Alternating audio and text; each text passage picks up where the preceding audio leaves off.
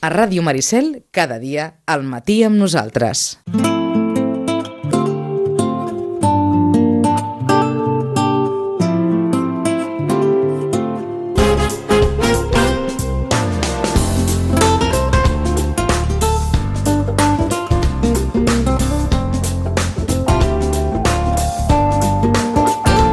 I és que van passant els mesos, van passant els mesos, i estem al juny. Marta, bon dia, bona Bon hora. dia. Estem al juny. Que ràpid. Sí, sí. de Això vol dir que passen coses, eh? Sí, tant. No deixen de passar-ne. Algunes encara Sí, encara però- esperen, però, però d'altres en passen. D'altres en passen. Estem a juny i, per tant, això vol dir que s'ha tancat la marató de lectura, Mhm, exacte. que, evidentment, esteu fent números ja per saber qui és ell o ella i qui són ells o elles que han llegit més de tots els que han participat. Doncs sí, ja ho tenim tot a punt per demà, que serà aquesta entrega de, de premis. Entrega de premis doble, perquè recordem que hi ha la marató de lectura i una altra activitat que també hem fet durant aquest temps, que es diu Puja al tren, i eren dues activitats diferents i complementàries, perquè al final les dues el que volen Mhm. és promoure doncs, això, no? la lectura i crear hàbits, però sí que per a franges d'edat doncs, eren complementàries. I demà fareu un pack I entre l'hora del conte, els Exacte. premis, tot, sí. en fi. Llavors avanço una miqueta com serà l'acte, Vinga, per qui i tant vingui, que per sí. no pugui venir, doncs que també ho sàpiguen. De moment, com sempre, dos quarts de sis de la tarda. Sí, exacte. Doncs començarem amb una hora del conte especial. Com sempre, serà una miqueta més curteta per després poder fer tota l'altra part que, que és més, més llarga, perquè hi ha molts premis a repartir. I tornarà a venir la Sandra Rossi. La Sandra Rossi és una de les narradores habituals a, tant a la biblioteca com a moltes d'altres, una gran narradora. I l'any passat també va venir en aquest mateix acte, per tant ja sap de què va i sempre en aquesta ocasió li demanem que faci un conte una miqueta més curtet que una sessió normal. El conte, del, el títol del conte que ens explicarà és Conte sorpresa, perquè demà hi haurà tantes sorpreses que va dir deixem-ho així. Conte sorpresa, serà un, i la Sandra Rossi doncs, ens començarà aquesta tarda Mhm. plena d'emocions. Això per començar. Per començar, quan acabi aquest conte, passarem a fer l'entrega de premis a aquests participants de Puja al tren. El Puja en tren, recordem que es tractava que qui ha participat pogués, mm, pogués fer un viatge, no? com amb un mitjà de transport, baixar les estacions que volgués, canviar de línies, cada línia tenia una temàtica. En, hem tingut un total de 17 participants, que per ser la primera vegada que ho fèiem i amb unes edats més altes que la de la marató estem, estem satisfetes de com Mhm. ha anat, amb 17 participants, i són quatre els que han arribat a marcar aquestes quatre estacions. Que han fet els itineraris, eh? Exacte, molts han anat llegint, però sí que quatre han vingut a la biblioteca, els hi hem marcat cadascuna d'aquestes estacions on baixaven i han fet un mínim de quatre, algun, doncs alguna més i tot. En el pujar al tren, el premi era, és per una persona i per haurà un sorteig. Demà, doncs, traurem el paper amb el nom de, del noi o noia que hagi guanyat aquest premi D'aquests 17? O D'aquests d'aquests 4, eh? Dels 4 que han fet tots els Mhm. itineraris. Exacte. Tots els 17 tindran un detallet, però Ah. al sorteig entraran els 4. D'acord, per tant, cadascú té un 25% de Sí. probabilitats. Sí, sí. I el premi és un val de 50 euros en llibres a la botiga de l'Abel i un altre val de 40 euros en material escolar al pati. Per tant, és un premi que poden aprofitar molt bé. Oh, i tant que sí. Oi? I bé, i animar doncs, a partir d'aquí altres nois i noies que, que participin en altres sessions que puguem fer del pujar al tren. Un cop fet aquest sorteig i l'entrega d'aquests dos vals, tindrem una festa, bueno, tindrem el sorteig vaja, de l'entrega de premis de, de la Marató de Lectura. En aquest cas hi ha un diploma pels nens i nenes que han arribat a superlectors, a superar els 8 llibres llegits durant el mes de maig, i una bosseta amb obsequis per tot per tothom. Hem tingut un total d'uns 75 participants, estem encara fent l'últim recompte, com deies, perquè aquesta tarda encara poden portar llibres i per tant fer canviar aquestes xifres, i el total de superlectors, el total de nens i nenes que han superat aquests 8 llibres han sigut 50 de moment. Home, Esperem doncs que és molt. Tarda, doncs, també algun més pugui pujar, eh? d'aquests que estan amb 6, 7, doncs que puguin fer aquest salt. Està molt bé. Està sí, molt vam bé. començar una miqueta amb les inscripcions a ritme lent, però al final s'han animat moltíssim i han participat també com, com cada any. Aquest any un canvi amb les bosses, amb els detallets. Normalment doncs, bueno, demanàvem a diferents empreses que ens poguessin, que poguessin col·laborar i ens donessin diferents materials. Aquest any és una bossa més petita, però els detallets són una monada. que no vol dir que els altres no ho fossin, Ah. però és una, ens ha quedat molt mono, la veritat. Són unes bossetes on hi ha una pulsareta per cada nen i nena, Sí. hi ha un bolígraf, hi ha una enganxina amb el drac, que és la mascota Ah. de les biblioteques infantils de Sitges Això per tots els que han participat, per eh? tothom que hagi participat. I també tenen una tarja de la botiga de l'Abel. Però, entre totes aquestes targes que contenen totes les bossetes, Sí. hi ha una, una tarja, que té premi també. Per tant, aviam a qui li toca, serà sorpresa. Aquesta tarda serà de poixo, eh? Sí, sí, sí. Aquest premi és un val per un llibre i més la il·lusió de dir m'ha tocat a mi, eh? com el, la tarja aquella daurada del, del Willy Wonka. És a dir, eh? de... d'entre d'entre els 50 superlectors, Uh -huh. Exacte. tots ells rebran una bosseta amb tots Mhm. Sí. aquests detalls Mhm. un d'ells, I un d'ells- en, en una bossa, hi ha Mhm. una tarja en premi de la botiga de la Bel. Exacte, de la botiga de la Bel. Eh, I també hi haurà per tothom un, de, un detall que també ens ha semblat molt bonic i molt bo, són galetes. Galetes que la fa Somnis de Vainilla, col·laboren en altres actes Home, de Sitges i que són fa unes galetes precioses. boníssimes i precioses. Doncs aquesta galeta tindrà estampada també aquesta mascota, el drac de Sitges, dibuixat per l'Horacio Lena, que també ens agrada molt promoure'l i que també mm, Tot això a la biblioteca. tot això dins la bossa, Tot eh? això dins la bosseta. Eh? O sigui, tothom podrà tastar aquestes galetes tan bones de Somnis de Vainilla. Ahà. I també el que hi haurà serà un passaport de lectura. Aquest passaport de lectura no l'hem fet nosaltres, és un passaport que ve de gerència de biblioteques, amb aquest personatge, el Genius, i tota la seva colla, que també És molt- és molt es- bonic, el És molt passaport, eh? maco, sí, és molt passaport. És literalment, és un Sí, passaport, sí, sí, eh? és un passaport en format, en color. Els protagonistes d'aquest passaport són aquests personatges del Genius que els nens i nenes coneixen perquè quan venen a les visites doncs, en, en parlem i també hi ha punts de llibre i s'han fet carutes i bé, doncs és un material, un merchandising que es va, que es va difonent i aquest any doncs, ens han fet aquest passaport de lectura. En aquest passaport, cada nen i nena se'l personalitza, pot, fer, pot posar-se una fotografia o fer-se un autorretrato i posar les seves dades, nom, l'edat, la biblioteca, les seves aficions, i a partir d'aquí hi ha sis llocs on han de posar els sis llibres que vagin llegint, Mhm. amb les dades, el títol, l'autor... Sis pàgines, una per cada llibre, eh? Exacte. Eh? Si li ha agradat o no, per què, el seu personatge preferit i a qui el recomanaria, cadascú d'aquests llibres.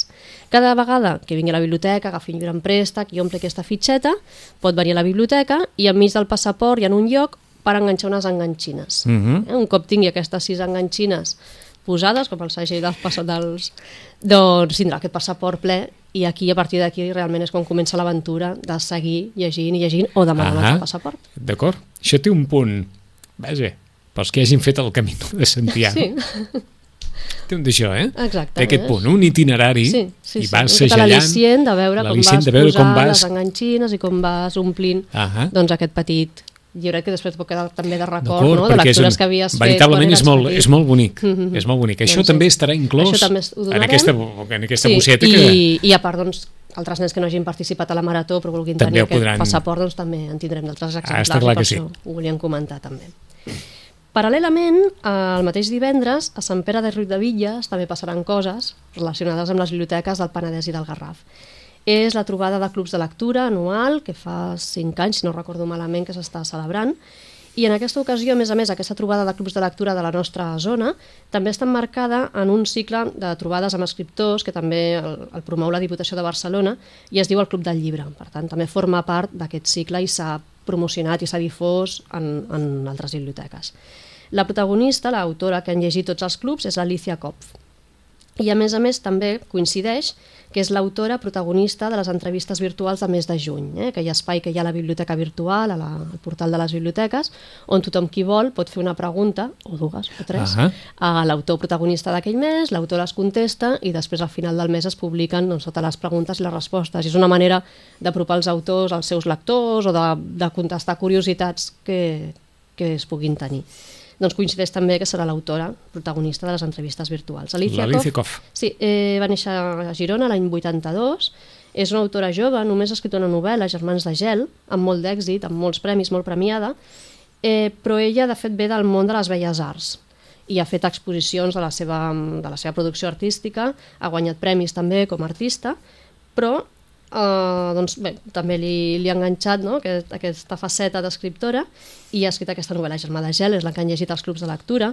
És una novel·la que es podria considerar no només novel·la, hi ha moltes coses dins d'aquest llibre. És un conjunt de textos que parlen sobre el congelament de les relacions familiars i de parella, però també dels grans viatges èpics dels descobridors polars. Per tant, el gel té aquesta És- doble vessant, no? com a cosa física, de qui ha anat a explorar els pols, Mhm. dona molta informació sobre el pol nord, el pol sud, però també com a metàfora d'aquests congelaments de sentiments, de relacions familiars o això, no? o, o de parella o d'amistats, i per tant juga en aquesta En novel·la aquesta dualitat, no? amb aquesta dualitat d'un llibre que també és una miqueta biogràfic, que també és com un llibre mm, de matèria sobre el gel i sobre els pols, i també doncs, aquesta part més intimista, més novel·lada, amb, amb aquest tipus de relacions. La protagonista és una, una dona i a partir d'aquí doncs, ella va fent aquest lligam entre aquests dos mons relacionats amb el, amb el gel. Recordem el títol, Germans de gel. Germans de gel. Germà de gel.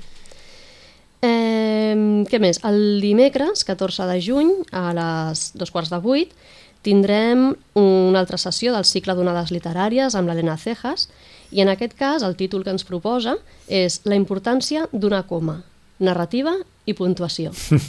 I ens parla d'aquests autors en què la puntuació, en el seu estil literari, en la seva manera d'escriure, té una importància vital, perquè hi ha escriptors que doncs, tendeixen més a fer diàlegs i en canvi d'altres que escriuen un paràgraf sencer eh, amb pocs signes de puntuació o amb pocs punts i és difícil perquè han d'aconseguir que el lector no s'ofegui, mm -hmm. que s'entenguin totes les frases i que, el, i que el contingut sigui... Ara hi ha molts que s'apunten a la tendència dels segons escriptors, però amb la diferència que així com l'escriptor ho fa amb una intenció, Sí, eh, hi ha que tiren pel dret. ara ja no.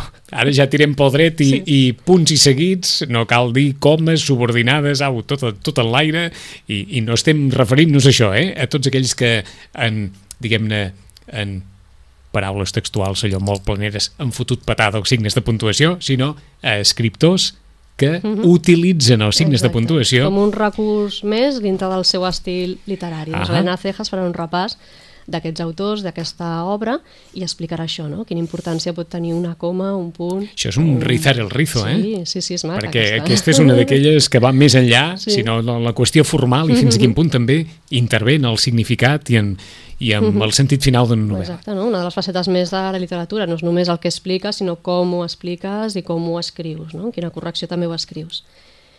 Eh, volia recordar també el taller de Corpus, que es farà el dia 10 i 11 de juny, amb aquesta catifa vertical amb material Exacte. de reciclatge, i simplement recordar que encara hi ha inscripcions obertes, tothom que vulgui participar és una activitat familiar, per passar una bona estona doncs, fent una manualitat que després serà visible i que tothom la podrà veure, i també que poden col·laborar portant material, en aquest cas ampolles i bosses de plàstic, ampolles d'un litre i bosses de plàstic, i sobretot doncs, inscriure's i, i poder participar-hi. Tot això es farà a l'entrada del Miramar. Aquesta catifa vertical feta en- d'això, amb elements, amb reciclatge, sobretot d'elements de plàstic. Sí, Eh? exacte, ampolles de litre i bosses. Ahà.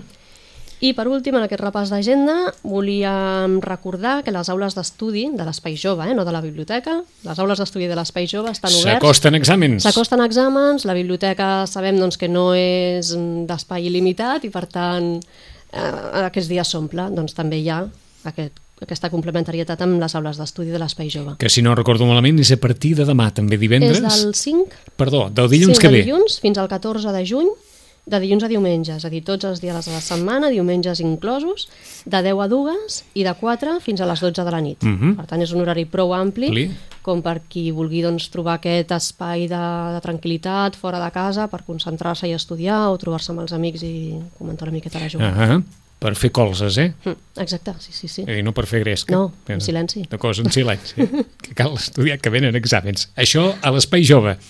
Espai Jove. Més enllà de la biblioteca, que la biblioteca també, com ja Clar, hem pogut sí. veure, té una agenda prou I a plena. més, Eh? la setmana que ve se'ns acosta una setmana, direm, dura per nosaltres, perquè els instituts fan el treball de síntesi, i sí, llavors s'omple molt, és una setmana en què els alumnes que ho estan fent passen molts, Molts nervis, perquè nervis. és només una setmana per fer un treball que déu-n'hi-do i l'han d'exposar el divendres. Mm, Moltes, moltes demandes, suposo, a Mm. les bibliotecàries. Demandes d'informació, però sobretot d'un espai, i és un treball que es fa en grup.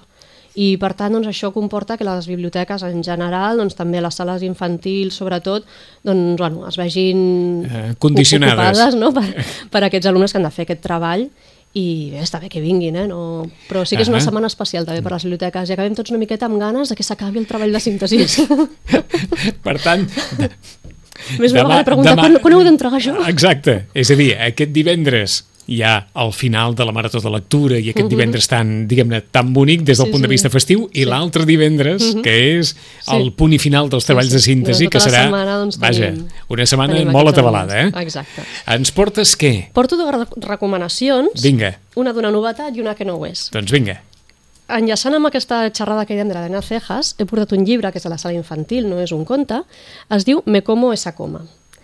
A, a través d'il·lustracions de l'Emilio Urberuaga, que és un il·lustrador és l'il·lustrador del Manolito Gafotas, per si algú té la imatge dels D'acord, llibres del i Manolito així Gafotas, aleshores ja ens queda doncs, clar. Eh, doncs és aquest il·lustrador. I el llibre ens proposa a cada pàgina, en, en una part de, la, de cada pàgina dos dibuixos diferents, però amb els mateixos protagonistes. El que canvia és la frase de sota en la que s'ha canviat de lloc una coma. I per tant el significat de la frase canvia i per tant el dibuix que il·lustra aquell significat Ahà. canvia totalment. Perquè no és el mateix dir Después de cazar ratones, gatos i leones descansaron. Aquí qui descansa són els gats i els lleons que s'han menjat els ratolins. Si canviem la coma de lloc, después de cazar, ratones, gatos i leones descansaron. Aquí descansa tothom i no sabem ben bé que han caçat. Per tant, una coma canvia totalment el significat i, per tant, el dibuix també és diferent. O eh? sigui Doncs- que hi ha la representació gràfica del significat de cada frase amb la Exacte, coma amb variada la coma de lloc. canviada. Eh? Doncs, bueno, I així hi ha exemples que són molt divertits. Molt ben perquè- trobat, eh? Molt ben perquè és trobat. que és, és absolutament gràfic, perquè Sí, sí, partim sí. de la mateixa realitat, Mm, però exacte. els dos dibuixos en la mateixa realitat, en el mateix escenari, eh, dibuixen Sí. significats diferents. Pedro subía los libros y al niño, solo en vacaciones. Pedro subía los libros i al niño solo en vacaciones. Vacaciones. Queda clar. Són matisos que una coma pot fer canviar. I doncs, a través d'aquesta tertúlia de l'Helena Cejas em vaig recordar d'aquest llibre. Doncs el llibre es titula així, Me como Me esa como esa coma. coma, és Però en aquest cas és allò, la vario de lloc, eh? la canvio de lloc. sí, però sí. un llibre molt, és un llibre molt petit, però molt gràfic. Sí, sí, sí, i és I- divertit. Eh? A vegades clar. hem ensenyat en visites escolars i ens hem fet un fart de riure amb nens més grandets, no? Està que ja clar, posen està clar, que ja comes posen comes i signes de Exacte, puntuació. Sí, sí. I l'altre sí que és una novetat, té un títol molt peculiar, es diu Mau Iz Io. L'autor és Carson Ellis. En aquest llibre se'ns ens presenta uns insectes a la primera pàgina, uns insectes petitets, que es fan aquesta pregunta al davant d'una petita branqueta que està creixent del terra. I diuen, Mau Iz Io? I l'altre insecte diu, Munya, munya. Ah, què vol dir això? Doncs no ho sabem. Però a través de la història, amb, aquest, amb aquesta manera de parlar que tenen Sí. peculiar, al final, com que hi ha frases que també es repeteixen, deduïm que mouth is io vol dir què és això i altres coses que es van dient. Per tant, amb un llenguatge totalment inventat, perquè són insectes, per tant no parlen la nostra llengua, però sí que entendrem perfectament el que s'estan dient aquests insectes que troben aquesta petita fulleta. O sigui que, creix. que és com si acabéssim aprenent un idioma Sí, sí, sí, sí. Podria estar escrit en base a una història Sí, que és simplement... en polonès, però Ahà, també ho entendria. Acabaríem entenent. Sí, sí, sí, és molt curiós. I a més té el doble joc, també doble o triple, té moltes lectures aquest llibre. Això, una, una part és entendre el que està passant en paraules, Sí. no? encara que no entenguem el que ens estan dient, i una altra cosa és veure també doncs, el cicle d'això, no? del creixement, de, de com les coses doncs, això creixen i al final doncs, també acaben morint, no? en aquest cas aquesta planta. També del treball dels insectes, doncs, ha, cada insecte té el seu paper en aquest llibre, no? juga el seu rol, i com doncs, van desenvolupant tota aquesta història, molt bonica, és, és, és Unes per veure, il·lustracions magnífiques, Unes eh? il·lustracions molt, molt maques, amb petites historietes també dintre de la pàgina general, és un llibre de gran format i les il·lustracions l'ocupen quasi tota, i té doncs aquesta gràcia, no? amb aquestes paraules que no sabem què, què volen dir, però entenem perfectament el que està passant Ah. amb aquesta planta que els hi creix de cop i volta aquí en, el seu espai. 11 i 37 minuts, demà a dos quarts de sis de la tarda, l'hora del conte, una mini hora del conte i una gran hora de premis, reconeixements, en fi, de, de festa general a la biblioteca. I per la resta, recordem els horaris, Marta? Sí, de moment, ja hi haurà algun canvi, però de moment segueixen el de sempre fins a Sant Joan. De 9 del matí a 2 i de 3 a dos quarts de 8, de dos quarts de 9, perdó. Marta, gràcies. Vosaltres. Fins la propera.